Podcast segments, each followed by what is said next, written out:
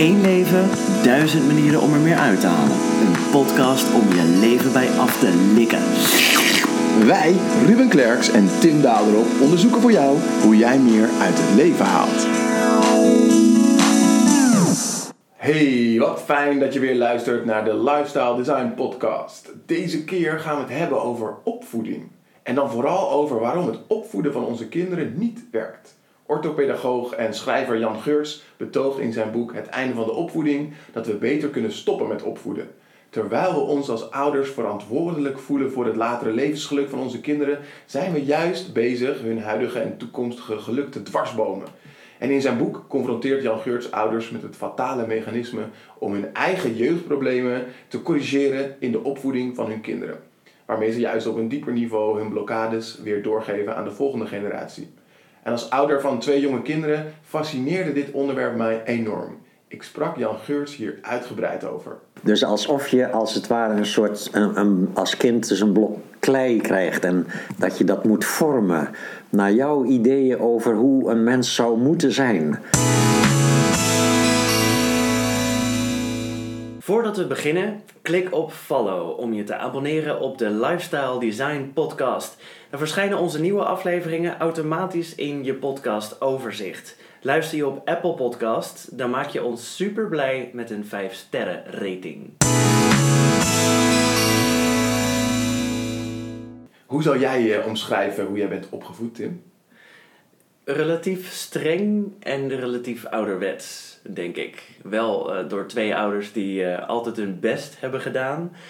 Toch is uh, de relatie met mijn vader problematisch slash afwezig. Um, um, en um, ja, hoe, hoe ben je verder opgevoed? Ja, want als je zegt uh, streng, waar, waar, wat was er streng aan jouw opvoeding? Um, ik uh, mocht minder dan, uh, dan mijn vriendjes. Ik moest eerder thuis zijn. Of ik had wel eens huisarrest. Um, of vriendjes thuis uitnodigen was lastiger. Uitgaan, dat, dat, dat, dat mocht niet. Of pas later of eerder thuis zijn. Uh, meer regels thuis. Um, dat. En, hoe, en hoe ging jij daarmee om? Want ik zie jou lachen, dat kunnen luisteraars niet zien bij het onderwerp dat uitgaan niet mocht. Maar ik zie aan je ogen dat jij je daar niet aan hield. Ja, meestal bleef ik dan bij vriendjes slapen. Um, en dan uh, vertelde ik maar niet. Uh, want dat, dat, ja, die vrijheid die, die, die wist ik dan links of rechts om op een of andere manier toch wel te krijgen. Maar dan op zo'n manier, dan, dan door te liegen soms. Ja. Uh, ja, als je de enige bent die, uh, die niet uitgaat en je bent 15, dan ga je niet. Uh, dan, dan bedenk je alles wat je kunt bedenken om, om, om toch ja. je zin te krijgen. En, en, en, en, wat is de belangrijkste waarde die je hebt meegekregen in jouw opvoeding? Nou, dat heb ik wel echt meegekregen. Ik denk. Um, mm, soort moreel kompas, denk ik. Dat je wel uh, stilstaat bij uh, uh, wat goed is en wat slecht is. En wat de consequenties zijn van wat je doet op anderen. Ehm, wat goed doen voor andere mensen is. Hoe je andere mensen behandelt. Um, dat, dat, heb ik, dat heb ik wel meegekregen. Ja. ja. Hoe is jouw opvoeding geweest? Um, warm. Uh, ik, ik, ik ben opgevoed uh, door, mijn, door mijn moeder, alleenstaande moeder. ik ben enigst kind, dus er, er, er was veel aandacht. maar ook altijd was dat aandacht wel een soort van ding. mijn moeder werkte gewoon en om mij te kunnen opvoeden moest ze ook werken. Dus, en dat gebeurde dan soms ook s'avonds. En ik weet dat dat, dat wel echt zo'n dingetje was vroeger. Dat, ik vond het dan niet leuk, maar zij vond het ook niet leuk. En dan, daar, daar, daar was altijd wel iets mee. En mijn biologische vader bijvoorbeeld, die, die, die is de eerste 25 jaar van mijn leven niet in beeld geweest. Uh, maar wel een hele leuke vriend van mijn moeder. Uh, die, die er altijd, uh, eigenlijk als mijn vader is, is geweest. Ehm, en dat is voor je gevoel jouw vader? Ja, ja. ja en, en daar heb je nog steeds een goede band mee? Ja, ja enorm. Ja. Um, Ja, dus dat als, het- als, toen ik net die vraag stelde over welke waarde heb je, heb je meegekregen, dacht ik eerst bij mezelf, ik zou er helemaal geen antwoord op kunnen geven. Maar ik denk toch dat het, dat het is dat, dat aandacht belangrijk is. Ja. Dus eh, ergens voor kiezen en daarvoor gaan. Ehm, dus dat heb ik in, in, in zekere zin ehm, vanuit de negatieve kant ervaren. Dat mijn biologische vader niet voor mij koos. Eh, eh, en dat, Ja. dat heeft wel impact gehad op hoe ik nu nog steeds die dingen doe. Maar ook aan de andere kant dus dat er ook mensen zijn geweest eh, die wel voor mij kozen. En zelfs ook eh, eh, de vriend van mijn moeder die, die dat niet hoefde te doen. maar die, die wel ontzettend voor mij koos. En dus met aandacht om. Ja. Ja. Ja, wat bijzonder en wat waardevol ook dat je ehm, zo bewust met je aandacht omgaat. Ik kan dat ook wel beamen dat je dat doet. Dat is heel waardevol om heel bewust te kiezen waar je je aandacht op richt en Ja. aan wie je je aandacht besteedt. Ja, Ja.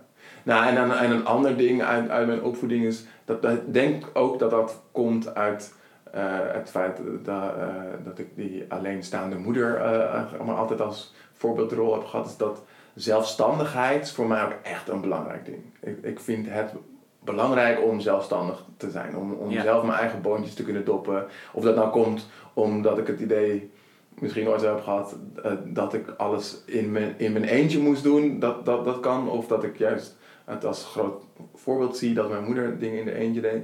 Maar dan merk ik ook zelfs nog ehm, eh, dat, dat dat mijn huidige eh, opvoeding, de opvoeding van mijn huidige kinderen ook beïnvloedt. Mhm. Dat, ik, ik, ik voed ze vrij op en ze mogen helemaal zijn zoals ze willen.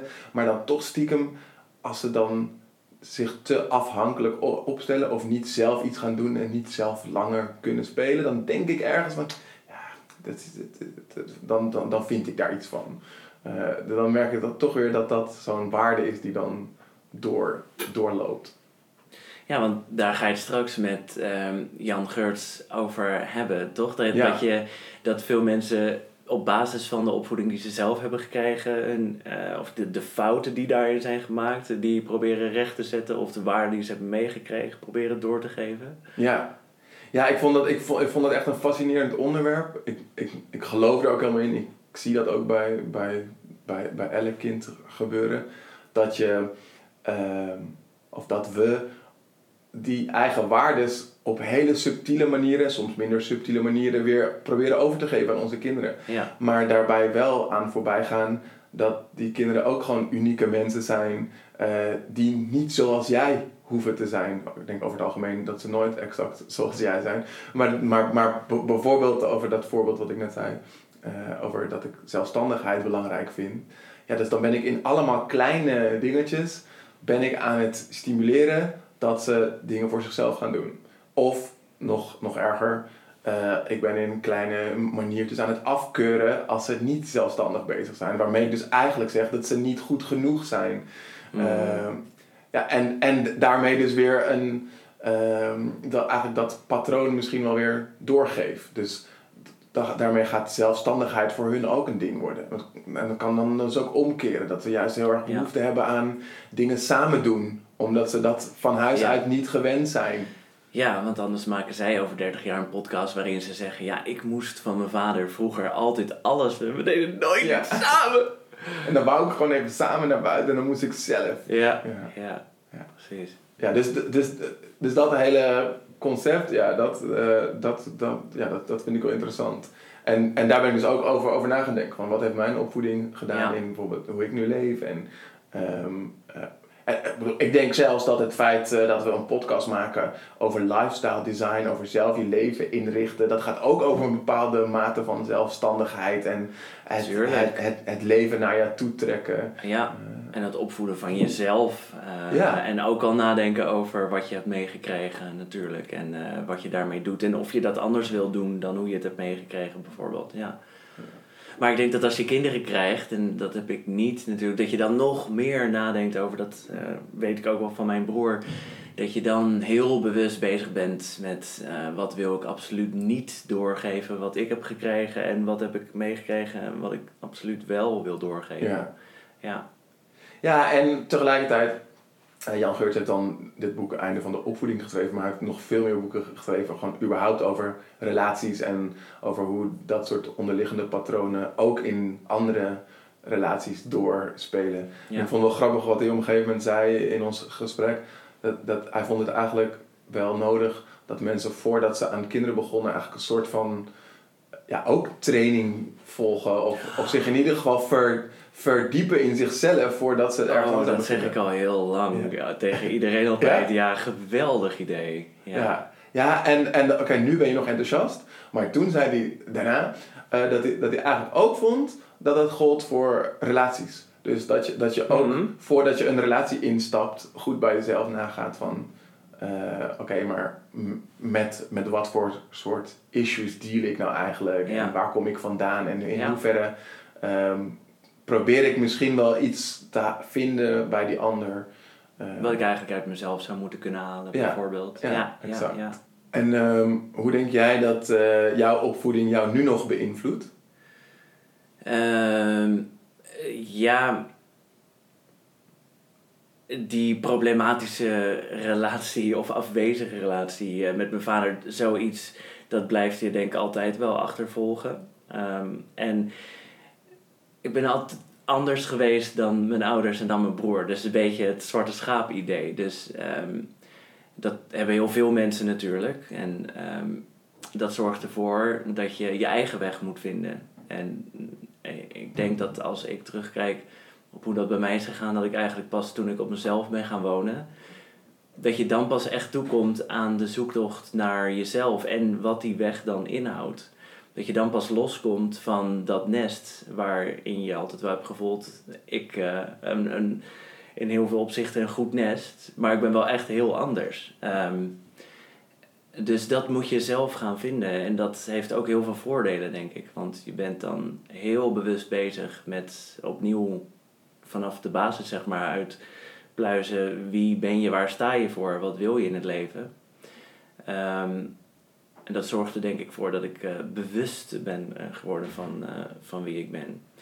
Ehm, en ehm, voor de rest denk ik dat dingen die dieper liggen, een soort basis, dat, dat de, de mogelijkheid om een stabiel mens te worden, dat ik dat te danken heb aan mijn ouders. Eh, want ze waren er en ze hebben hun best gedaan en eh, het was een stabiel nest zonder eh, ernstige problemen verder. Ehm, ik denk dat je dat moeilijk kunt beoordelen, maar als je om je heen kijkt naar mensen die echt een heel problematische jeugd hebben gehad, of ehm, ehm, nou dat, dat, dat, dat, dat je, je hele leven van enorme invloed is. En dat je dan pas echt goed weet wat daarvan de impact is. Maar als je dat soort problemen niet hebt gehad, dat, dat, je, ja, dat je dat in ieder geval niet hebt. Dat je de mogelijkheden hebt om een soort van stabiel leven te leiden. Ja. Dat Ja. is al heel wat. ja, inderdaad. Nou vind ik ook mooi wat je zegt, dat je, dat je, dat je wel ehm, ziet dat je ouders het ook vanuit de beste intenties eh, eh, eh, deden. Ja, en ik denk dat dat heel erg belangrijk is als je, als je kijkt naar, naar, naar opvoeding. Volgens mij is er geen, geen ouder die 's ochtends opstaat en denkt van... laat ik eens even lekker het leven van mijn kinderen gaan opfokken. nee, precies. Ja, ik denk dat je met z'n allen moet dealen met de combinatie van mensen die is ontstaan. Ja. En met de verschillende ideeën en de verschillen daartussen. En ehm, dat is binnen sommige gezinnen makkelijk en binnen andere gezinnen niet. Ja. En dat heeft altijd gevolgen en daar moet iedereen zo goed mogelijk mee Ja. dealen en daar zelf keuzes in maken. Ja, en wat ik, wat ik ook heel veel hoor van mensen die ik over dit onderwerp sprak... ehm, was dat ze zich eigenlijk een soort van bijna schuldig of gek voelden... dat zij uit een... ehm, ook uit een goede opvoeding kwamen, gewoon een goede jeugd hebben gehad, maar dan toch ervaren dat er iets niet klopt of dat, ze- dat, dat, dat, dat ze eigen issues ervaren. eh, maar dat die issues er dan niet zouden mogen zijn omdat ze gewoon een gezonde, goede, goede opvoeding hebben gehad. Ehm, en, en, en, en dat vind ik wel interessant wat Jan Geurtsen zegt, dat het dus bij iedereen gebeurt. Dus het maakt niet uit, natuurlijk als, als je opvoeding echt pro- problematisch is geweest, zijn de problemen daarna ook groter, die kans is groot. Eh, maar dat het dus ook gewoon voorkomt bij als je gewoon een volkomen gelukkige jeugd hebt gehad, dan, dan, dan ook nog hebben je ouders eh, eh, dingen aan jou door, doorgegeven Ja. die, je, die je misschien niet zo goed bevatten. Ja, tuurlijk, precies. Alleen al, al is het alleen maar omdat je mm, verschillende mensen bent en dus eh, dingen meekrijgt waar je zelf niet zoveel mee kan, of de dingen waar je zelf heel veel mee kan niet hebt meegekregen. Of dat je in de tijd bent opgevoed, eh, of dat je door twee mensen bent opgevoed die in een heel andere tijd zijn opgegroeid. Dus je heel veel mee, dingen meegeven die niet meer zo applicable zijn op, eh, op de tijd waarin je opgroeit of ouder wordt. Ja. Toch? Ja, absoluut. Ja, ja, ja. ja en, en, en dat we vaak vergeten dat dus elk kind of elk persoon juist die eigen unieke individu is. En dat je, eh, dat je niet een kopie van jezelf kan maken. Of dat je... Dat je Ja. ja, ja. Ja, ik denk dat heel veel mensen die fout maken eh, als ze kinderen nemen, heb ik het idee dat ze niet, voor mijn gevoel niet om de goede reden kinderen nemen. Eh, of dat ze eh, bepaalde verwachtingen hebben, of inderdaad een kopie van zichzelf, een, een mini-versie van zichzelf, of eh, ja. hun eigen fout willen goedmaken. Of, eh, dat hoor je gewoon wel heel Ja. vaak. En dat zie je ook wel vaak. Nou, laten we het woord aan Jan geven. Hallo Jan, wat leuk dat ik eh, hier bij jou mag zijn in eh, Vierhouten. Om het eh, samen met jou te hebben over opvoeding. Ja. En laten we eigenlijk beginnen met eh, meteen de eerste vraag. Wat is jouw persoonlijke leukste jeugdherinnering? De leukste jeugdherinnering. Oh, ik heb er massa's. Maar die, ze zitten allemaal in dezelfde hoek. Namelijk, ik had vanaf, denk ik, mijn zevende, achtste jaar... had ik een vriendje die enigszins was op een boerderij. En die boerderij lag pakweg twee kilometer van waar ik woonde. Ik woonde in het dorp en de boerderij was daar buiten, uiteraard. Dus ik ging eigenlijk elke dag na school ging ik naar de boerderij. En daar had je dieren. En dus eerst als klein jongetje was ik helemaal gek op eh, al die dieren die daar rondliepen. En toen ik wat ouder werd, was ik gek op eh, de, de man die daar de tractor reed. Want dan mocht ik meerijden en later mocht ik zelf rijden. En zo. Dus, eh, en natuurlijk eh, daar ook een hoop rondgestruind. Eh, in, in, het, in het hooi spelen en dat soort fijn. Al, die, al dat plezier wat je kan hebben als kind op een boerderij, dat heb ik dus meegemaakt in mijn jeugd. Wauw, Ja. goed. Ja. Ehm, en Jan, jij, jij hebt een hele specifieke kijk op opvoeding, eh, heb ik zo het idee, na het lezen van meerdere van jouw boeken, maar vooral naar aanleiding van het boek Einde van de Opvoeding. Hoe zou je die kijk, jouw kijk op opvoeding uitleggen aan een kind van acht? Even ervan uit Ja, dat we ja, allemaal ja, hele jeugdige ja. luisteraars hebben. Nee, dat is, Ja. dat is niet waar, maar Ja. als we- we eigenlijk plat, plat zouden slaan, hoe, zou je die, die kijk op opvoeding eh, uitleggen? Ik denk dat ik zou proberen duidelijk te maken aan dat kind dat het helemaal oké is zoals het is. Is verder hoeft niet te veranderen. Ja. Je hoeft niet te veranderen. Doe maar gewoon wat je leuk vindt. Want, Ja. want dat is eh, in, in je ogen wat we vaak aan het doen zijn, aan het kijken of we onze kinderen kunnen laten veranderen. Ja, dat is eigenlijk een beetje het kenmerk van opvoeden. Hè? Ja. Opvoeden is, eh, en, en in mijn boek maak ik dus onderscheid tussen zorgen voor kinderen en opvoeden. En eh, zorgen voor is natuurlijk gewoon zorgen dat ze een dak hebben en eten hebben en, en, en gewoon de dingen leren die je moet leren als mens. Maar opvoeden is nog iets speciaals. Dat is wat ouders heel sterk hebben, namelijk het gevoel dat ze moeten bijdragen aan het toekomstige geluk van hun kinderen. En dat ze er als het ware verantwoordelijke en, en liefdevolle en slimme mensen van moeten maken. Ja.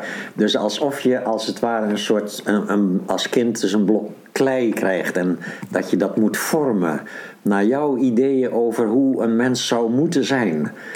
En daar zit ontzettend veel narigheid zit daarin. Want ouders hebben natuurlijk ook altijd een soort beeld van zichzelf. En dat is vaak niet een ideaal beeld. Daar Nee. zitten allerlei tekortkomingen in. En dan proberen ze dat in hun kinderen als het ware te corrigeren. En het kind krijgt dus eigenlijk nog eens extra te horen dat het moet leren gelukkig zijn. En dat het moet leren om een braaf en verantwoordelijk en sociaal mens te zijn. En dan wat het eigenlijk leert is dat het dat dus niet is. Ja, Ja, dus het, het leert eigenlijk zichzelf te gaan zien als een soort onvolkomen, een soort, zeg maar, een soort half ontwikkeld soort van diertje wat nog menselijkheid moet bijgebracht worden. Ja, ja. Ja, en dat hele, zeg maar, dat noem ik dan het opvoedingsdenken. En, en dat levert dus heel veel extra ellende voor zowel de ouders als de kinderen. Ja, want zou je daar eens wat voorbeelden van kunnen, kunnen noemen? Wat voor ellende dat dan oplevert als, als we onze kinderen op die manier opvoeden? Nou, dat is van- met name dus dat het kind telkens weer te horen krijgt dat het nog niet goed is zoals het is. En dat het eerst allerlei dingen moet leren voordat het gelukkig zou kunnen zijn. En vooral dus dat het geluk afhangt van omstandigheden Ja. die door de ouders als het ware bepaald worden. Dus je moet wel... Een soort van afhankelijkheid die je daarmee... Die je daarmee stimuleert, Ja. ja. ja. dus natuurlijk voor een deel is dat ook onvermijdelijk overigens. Eh, ouders kunnen niet gewoon helemaal niks doen met hun kinderen, want we zitten in een samenleving en het kind moet zeg maar enigszins toegerust worden om, weet je wel, op school mee te Ja. kunnen en daarna in de samenleving mee te kunnen. Dus het hele probleem is veel groter dan alleen maar hoe ouders met kinderen omgaan. Ja. Het heeft ook alles te maken met bijvoorbeeld ons schoolsysteem, wat ook tamelijk primitief is, zou je wel kunnen zeggen. En, en uitsluitend gericht is op cognitieve ontwikkeling. En, en het heeft te maken natuurlijk met de hele samenleving, die, nou, kan je wel zeggen, niet verlicht is. Ja, dus ook heel erg, zeg maar, leeft vanuit dat aangeleerde zelfbeeld, dat ego. Ja. Dus het is, het is dat, het is dat egocentrisme wat zeg maar, in de samenleving en in het onderwijs en dus ook in eh, hoe ouders met kinderen omgaan, Ja. eh, de hoofdtoon speelt. Dus mijn boek heet niet voor niks Einde van de opvoeding. Ja. Hè? Maar dat betekent dus niet van dan moet je ze maar gewoon aan hun lot overlaten. Precies, want, dat, is, dat, eh, dat is inderdaad een vraag die ik, of een opmerking Ja. die ik vaak krijg als ik, als ik het heb over, eh, over, je, over jouw boek. En, Ja. eh, en ook in aanloop naar dit interview toe. Dan probeer ik aan mensen uit te leggen waar einde van de opvoeding over gaat. Ja. Maar het eerste wat mensen zeggen, ja, dat, dan krijgen we een soort van eh, Ja. Zo'n soort van. eh, roekeloosheid. Ja, ja, ja, ja, ja, ja, ja, maar, nee. maar, maar, maar je maakt in je boek een duidelijk onderscheid tussen Ja, zorgen tussen dat voor- zorgen voor kinderen en opvoeden. Hè? Dus dan zorgen voor is gewoon in de, wat ik al zei, is, is, zeg maar, eh, is gericht op de directe veiligheid en gezondheid van het kind. Ja. Dus dat is niet een soort van ehm, een, een soort training die je doet met het oog op een toekomstig geluk of welzijn van het kind. Het is altijd, en daarom dat zeg maar, regels die je stelt die met zorg te maken hebben. Eh, nee, Jantje, je mag niet met benzine spelen en je mag er geen bommetjes van maken. Ja. Weet je wel, dat, is een, dat snapt dat kind. Ook al zou hij het misschien wel vervelend vinden dat het niet mag. Maar hij snapt wel waarom. Dat Ja. is een direct belang, een soort beschermend belang.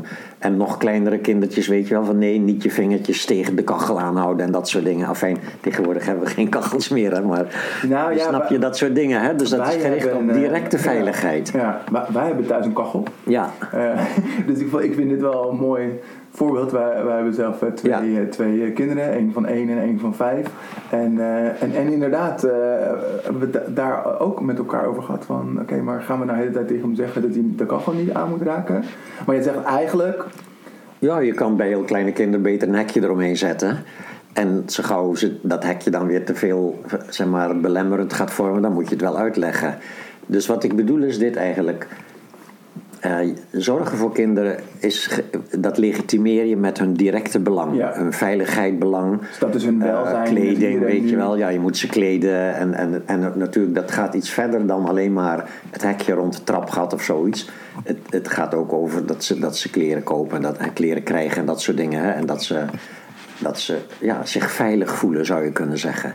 En dat opvoeden, dat, heeft juist, dat creëert juist onveiligheid. Want Ja. je zegt eigenlijk telkens tegen dat kind: nee, dit is niet goed, dat moet veranderen. Je bent niet goed. Ja. je moet in, in het potje plassen, niet in de luier. En in het begin zeggen ouders dat nog lief. Maar als dat wat langer duurt, dan wordt, dat gelijk, ja, dan wordt het toch heel Ja. vervelend. Ja, en, dan, en dus dat is eigenlijk. Ja, en dan ook nog eh, ja, de andere kinderen op school, die, die kunnen dat al wel. hoor. Ja, dus vergelijken ook. Ja. Ja. je bent niet zo slim als een ander en dat soort. Dus dat is eigenlijk allemaal manipulatie om dat kind als het ware te leren voldoen aan opvattingen die volwassenen hebben. Ja. Maar het is heel bizar, want het, het, zeg maar, het kind leert ook lopen uit zichzelf, weet je wel. Als ouders creëer je hooguit de veiligheid, weet je wel. Dat je ze niet de eerste stapjes laat doen vlak langs een afgrond en zo. Ja. Maar je hoeft het kind niet uit te leggen. nou moet je wel je voetje naar daar zetten en nou je voetje naar daar, weet je wel. Dus, dus dat hele, en dat is dan nog maar zoiets simpels als lopen. Hè? Maar, Ja.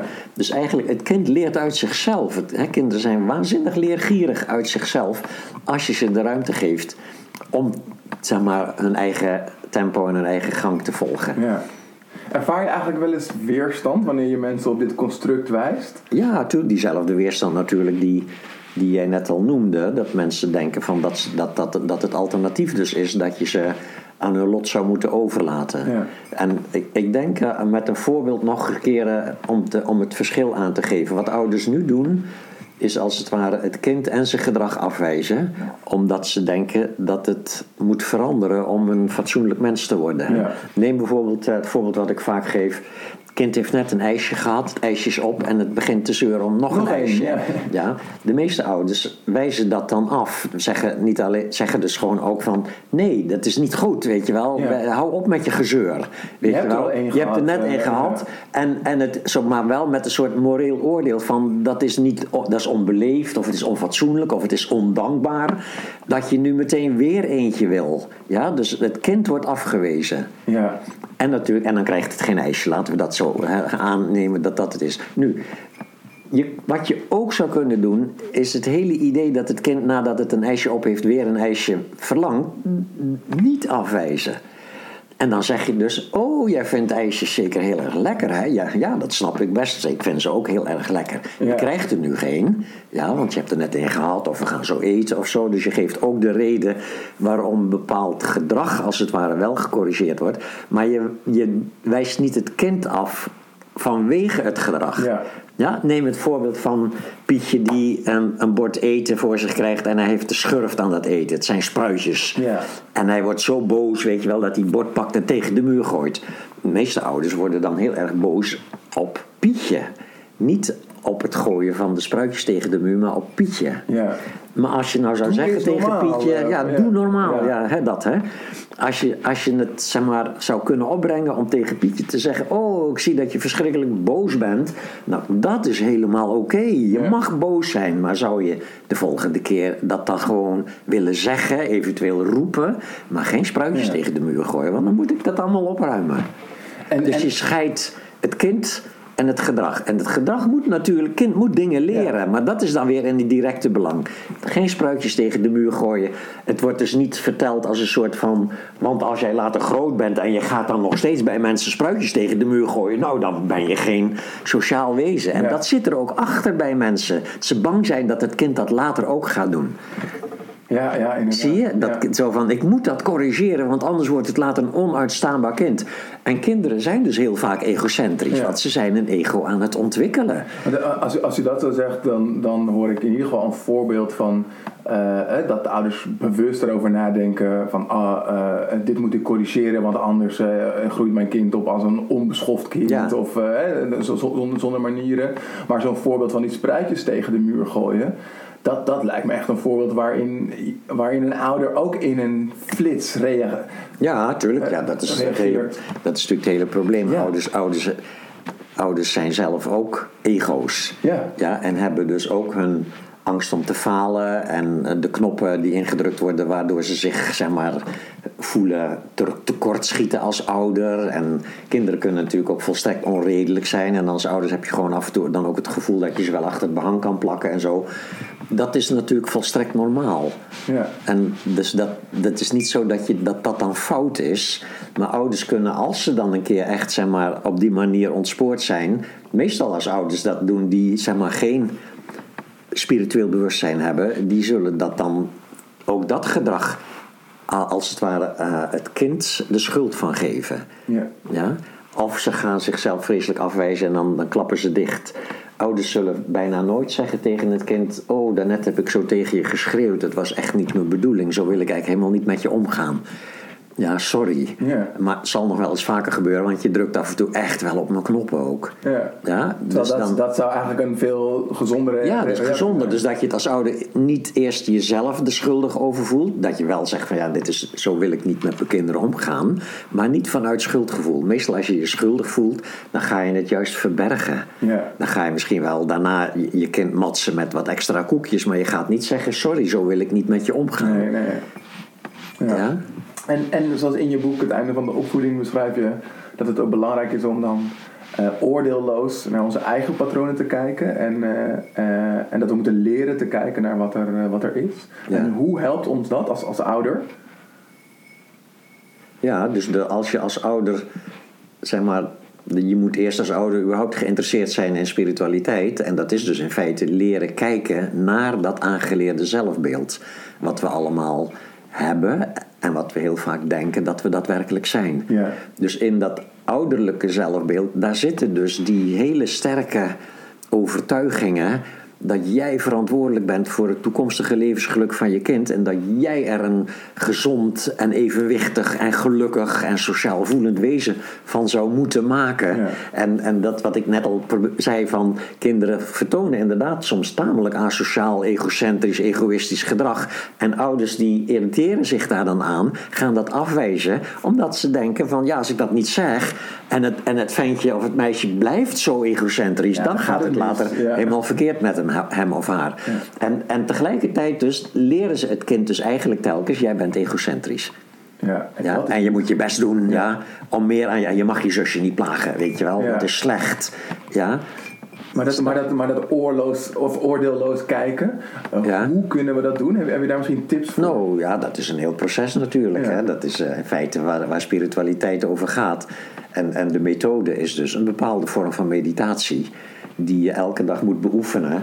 Een aantal keren zelfs als je dit serieus wilt oppakken.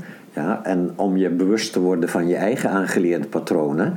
En vervolgens om die aangeleerde patronen dus te kunnen omhelzen met liefdevol gewaarzijn. In plaats van dat je ze weliswaar bewust wordt, maar meent dat je er vanaf moet. Ja, want dat is een valkuil in elk ontwikkelingsproces. Dat je doorkrijgt hoe je zeg maar eh, contraproductieve eh, automatismes hebt aangeleerd in je eigen jeugd. En dan denk je dat je daar vanaf moet. Ja. En dan ga je heel krampachtig ga je, je spiritueel gedragen. Maar dat is niet wat spiritualiteit over gaat. Ja. Het gaat eigenlijk dus over, over oordeelvrij liefdevol gewaarzijn. Te ontdekken dat dat is wat je werkelijk bent. Maar dat is een heel proces. Ja. En als, zeg maar, als, je als ouders eh, op deze manier met hun kinderen willen leren omgaan, dan moeten ze dus met zichzelf zo leren omgaan. Ja. Je kan niet zeg maar, oordeelvrij liefdevol met je kinderen omgaan als je eh, eh, ten opzichte van je eigen patronen een soort gêne of een soort afwijzing hebt. Ja. Want ehm, als ik een persoonlijke vraag mag stellen. Ja. Je hebt zelf ook kinderen, toch? Ik heb vier kinderen. Vier ja. kinderen. Ja. Ehm, hoe, hoe, is hun opvoeding geweest? Totaal, eh, zeg maar, chaotisch, Ja? egocentrisch, neurotisch. Ja, ik Was, was... je, eh, was, je, was je toen al...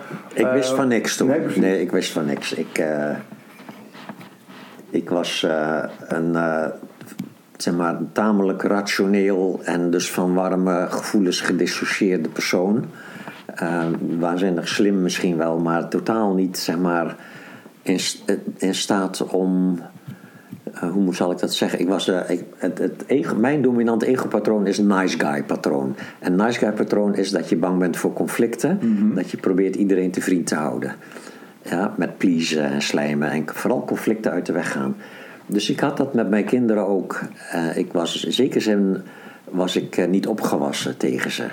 Dus eh, kinderen zijn vaak eh, veel krachtiger in hun emoties. Die hebben dat nog niet geleerd om dat te onderdrukken in zichzelf. Ja. En ik uh, wel. Dus ik deed altijd vreselijk mijn best om ze dan met redelijkheid zeg maar, tot een soort van goed gedrag te brengen. Ja. Uh, dus het ging eigenlijk altijd, werd altijd gediscussieerd.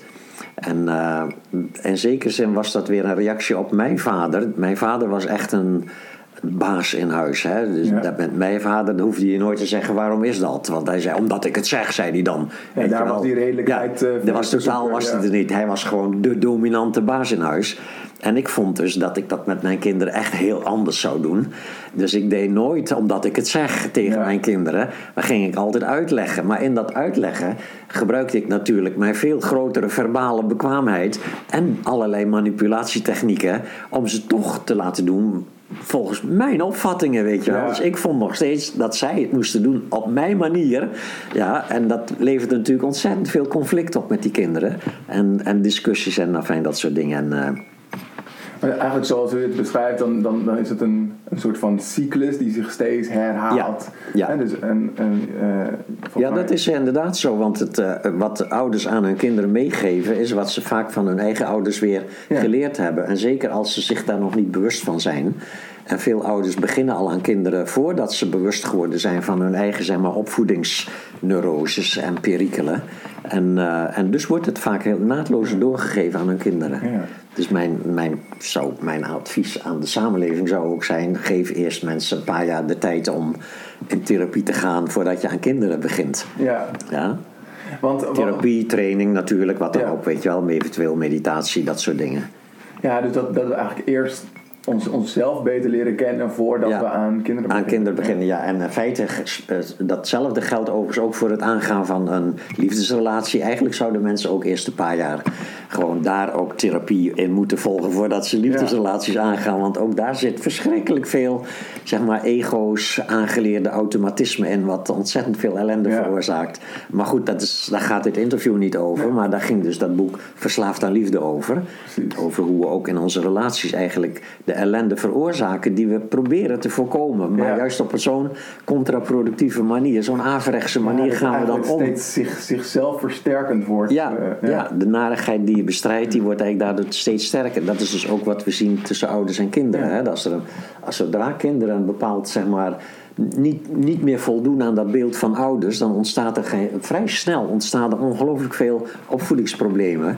Omdat ouders een soort verkrampen in een soort opvatting over, ja, maar ze moeten toch echt dat leren, weet je wel. En soms is het alleen al ook, ze moeten toch echt wel ook gewoon goede punten halen op school. Want ja, als ze geen goede punten halen, dan kunnen ze Ja. naar het vervolgonderwijs en bladibladibla. Ja, ja. En dan, komt, hè, en dan hebben ze later geen baan. En dan, enfin, die angsten hebben alle ouders dat het met hun kind mis gaat lopen.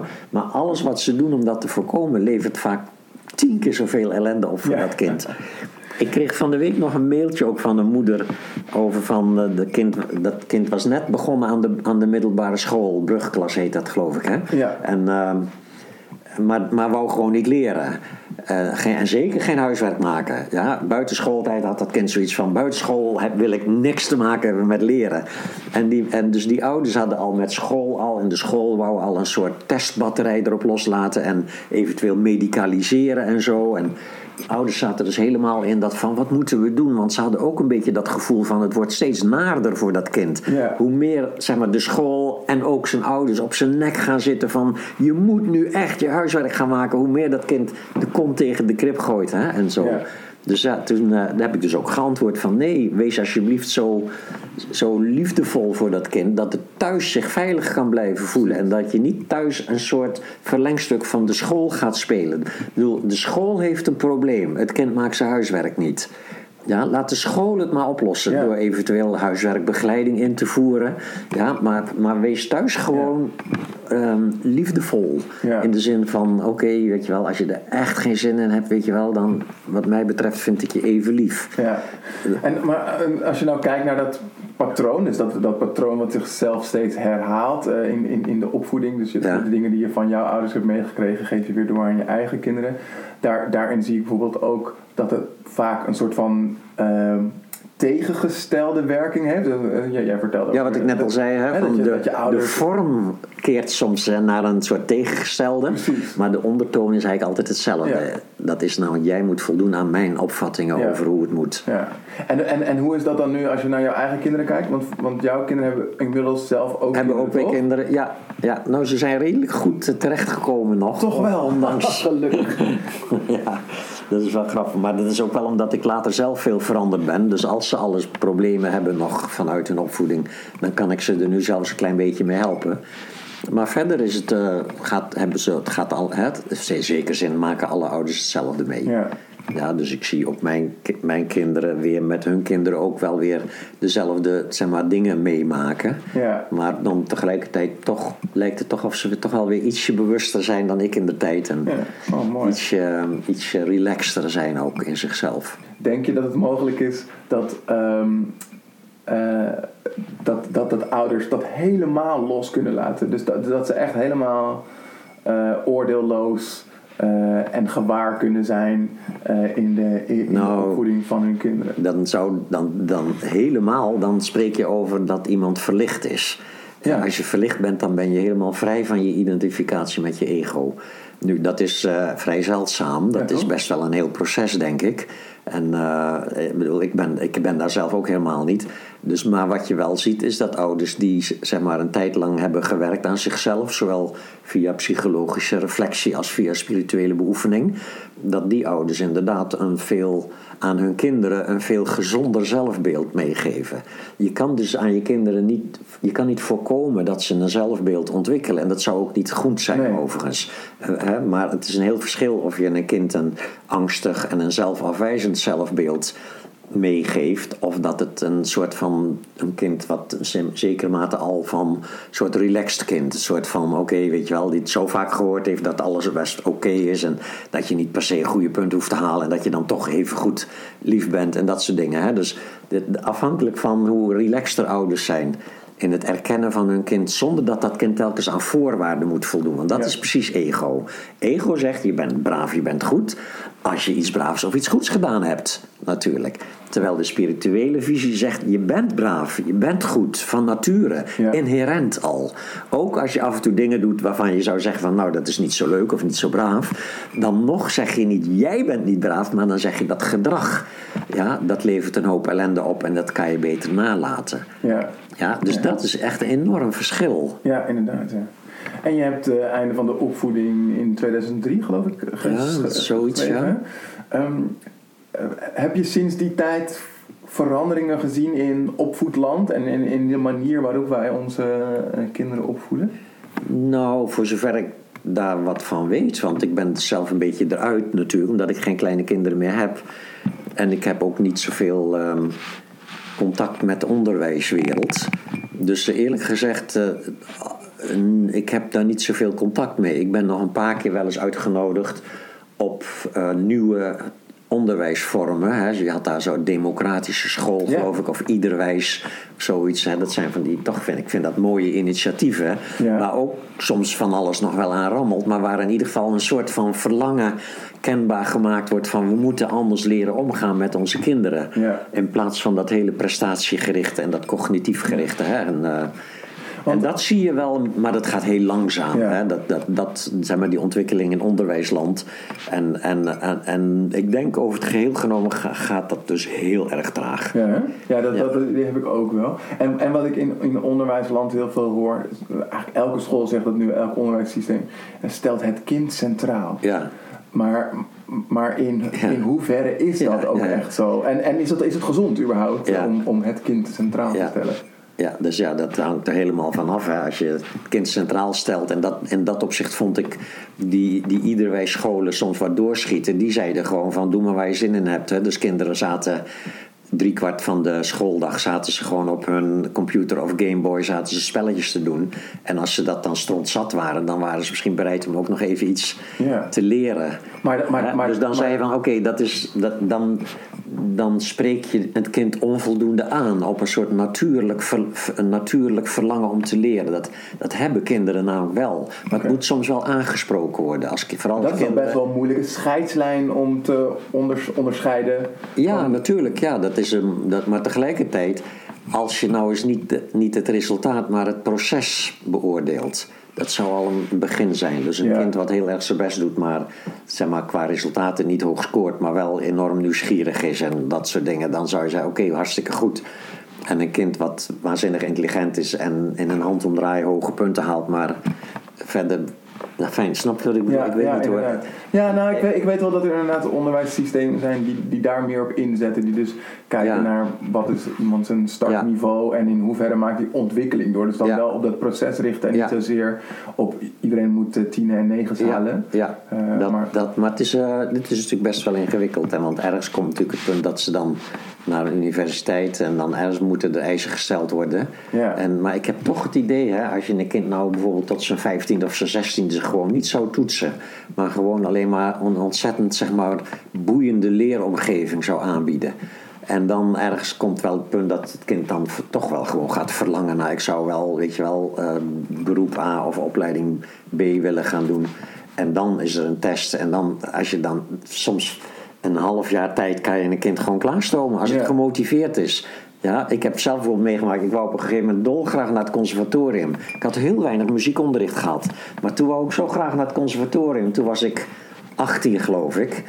Toen heb ik eh, drie maanden lang, heb ik, zeg maar, een paar uur in de week, heb ik les gehad van iemand die mij alles leerde op het gebied van akkoorden en, dat soort dingen. En, en ik werd toegelaten tot het conservatorium. Ja, en dus was je eigenlijk zo intrinsiek gemotiveerd dat je dan wel zelf op Ja, dan, ja, dan pik je het gewoon wel op. Ja. En dan kan je dus gewoon best wel even een half jaar lang kan je wel even gewoon stampen.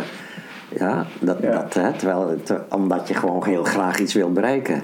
Maar, maar dat is intrinsieke motivatie. En het andere is altijd, ik moet punten halen. Want Ja. anders dan ga ik niet over.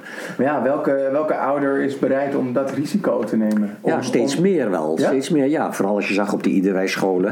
Er zijn wel veel ouders en, en democratische scholen en zo. En ja, dat, eh, dat, dat is een tendens, zou je kunnen zeggen. Ja. Het zijn nog steeds misschien maar, het is misschien maar 1% van de totale oude bevolking. Maar niettemin, het begint wel ergens. Ja. Ja. En ehm, als nou onze luisteraars ehm, de opvoeding van hun kinderen of hun toekomstige kinderen ook zouden willen veranderen of misschien zelfs al stoppen, eh, hoe zouden ze daar dan het beste mee kunnen beginnen? Door dat boek te lezen, denk ik. Hè? Het einde van de opvoeding lezen? Ja, want het is wel belangrijk dat je het eerst snapt. Want het druist wel, op een bepaalde manier druist het wel in tegen een soort ego-automatisme.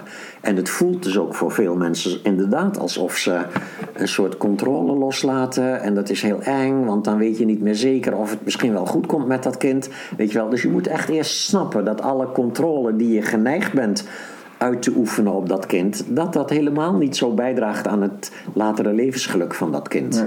Dus, dus eerst snappen waarom je tegen je eigen ego-reflex in zou gaan. Ja. Waarom je het kind als het ware niet zou straffen voor bepaald gedrag. Waarom je alleen maar zou zeggen wat je daarnet deed, dat ervaar ik als Ja. heel erg vervelend, als pijnlijk. Je hebt me daarmee gekwetst. Zo, weet je wel, als je dat gewoon eerlijk zou durven zeggen als ouder. In plaats van jij bent verkeerd bezig, zeg je van nee, ik voelde dat als heel. Ik vond dat, dat best wel kwetsend wat je daarnet tegen me zei. Ja, als je dat gewoon eerlijk kan zeggen, zonder, Ja. zonder repercussies meteen.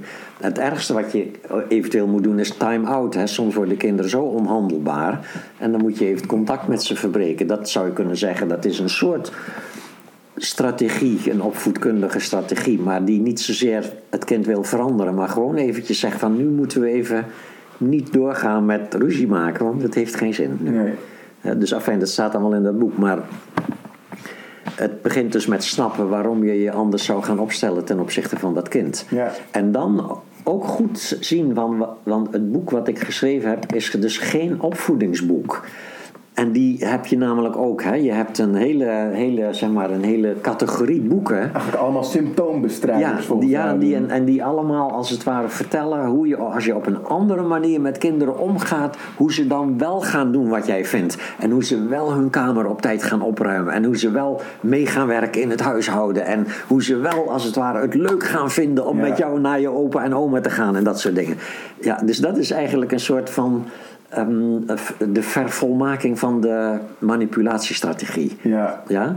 En, het, en het bizarre is nu dat als je zo'n boek leest en je hebt zelf kinderen, dan kan je daar heel erg door geïnspireerd worden, want het lijkt heel aantrekkelijk. En de auteurs vertellen ook altijd hoe mooi het gaat met hun kinderen en hoe liefdevol en blij en Ja. fantastisch die kinderen ook zijn. En dan ga je het zelf proberen en het lukt telkens niet. En jouw kinderen hebben op een of andere manier dat boek niet gelezen of zo. Want ze reageren heel anders dan in het voorbeeld van dat boek. En dan krijg je dus een extra hekel aan jezelf omdat je faalt als opvoeder. lukt. Ja, en, ja. eh, en dat draagt dan weer bij aan meer afwijzing van je kinderen ook. Dus nee, het is dus niet een ideale opvoedmethode. En Nee. in mijn boek staat er ook dat, dat het regelmatig voorkomt dat je als ouder ook gewoon helemaal ontspoort eventjes in je goede bedoelingen. Je hebt altijd goede bedoelingen als Ja, ouders. Daar moeten we altijd van uitgaan. En soms loopt dat helemaal de mist in en weten ze je zo te kwetsen als het ware met hun gedrag. En dan ga je even door het lint en dan schreeuw je even of zelfs misschien dat je wel eens een map geeft of zo, weet je wel. En dan kan je daarna ontzettend schuldig over voelen. En dat allemaal moet je dus ook eerst leren aanvaarden als een normaal verschijnsel in de omgang met je kinderen. Want hoe meer je dat veroordeelt in jezelf, hoe vaker het zal voorkomen dat het gebeurt. Ja. Hè? Dus, dus, dus dat, dat gedrag tegen, hè? dus daarom dat bijvoorbeeld, de, mensen zijn tegenwoordig heel erg zeg maar, streng ook op dat je een kind niet meer mag slaan. Dat mag tegenwoordig niet meer. Hè? En ik heb het idee dat dat een, een, ehm, een regel is die, eh, die, waar ik natuurlijk helemaal achter sta. Dat zeg maar, het helpt niet. Nee. Maar als, het, je, als je het jezelf vervolgens heel erg kwalijk neemt, dat als je het dan toch per ongeluk wel gedaan hebt, dan wordt het veel erger. En dan krijg je een soort, een soort ouderschap wat zich heel verkrampt Ja. als het ware. En dan helemaal van, oh, ik mag vooral niet meer boos worden op mijn kind, want misschien ga ik dan weer slaan, dat mag niet en zo. Weet je wel? Dus het, het, hier zit hem dat liefdevol oordeelvrij gewaarzijn. Ja. Ja, dus dat je gezien hebt van oké, ik heb geschreeuwd tegen mijn kind. Of zelfs, ik ben misschien wel enigszins te wild geweest. Of te gewelddadig zelfs wel of zo. Als je dat dan één keer hebt meegemaakt.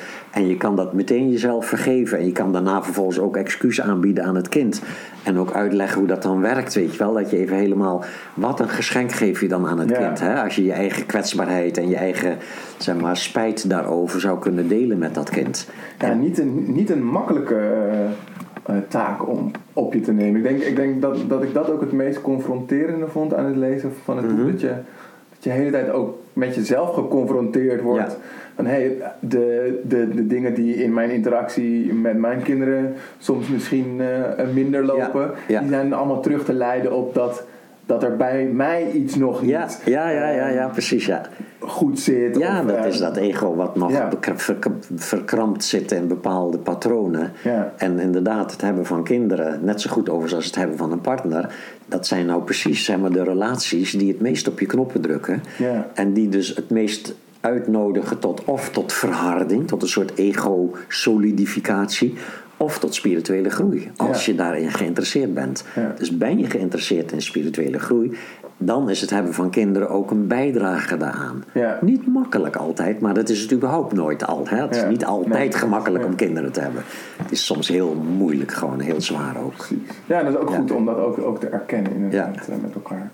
Ehm, om, om af te sluiten. Ja, Ehm, ik, ik zei net al, het einde van de opvoeding komt uit 2003. En je gaf net zelf al aan eh, dat je er eigenlijk ook al wel weer een tijdje uit bent. Ja. Maar als je nu weer een nieuw boek zou moeten schrijven over, over opvoeding. Wat zou je daar dan absoluut nog aan toevoegen ten opzichte van wat je al hebt geschreven over opvoeding?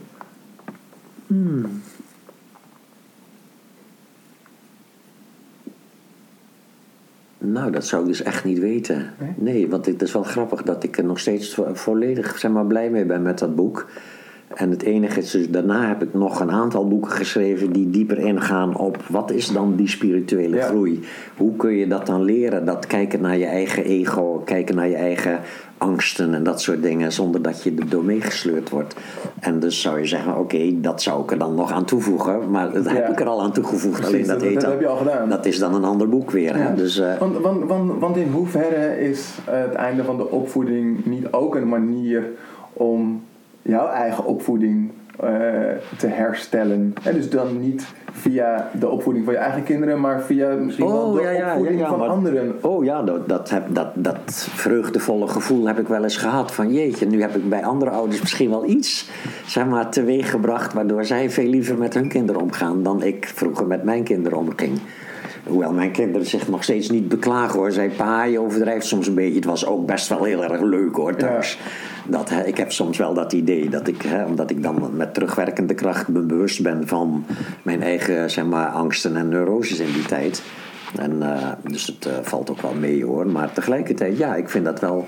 Voor mij is dat heel prettig. Ik vind dat heel fijn dat mensen wat hebben aan mijn boeken. Ja. Ja. Nou, ontzettend bedankt dat we hier eh, mochten zijn. Ja, en bedankt voor je tijd en je inzichten. En oké, veel succes. Heb je genoten van deze aflevering van de Lifestyle Design Podcast? Klik dan op follow, dan krijg je de volgende afleveringen automatisch in je feed. Wil je meer over ons weten of iets met ons delen? Dan kan dat op lifestyledesignpodcast.nl.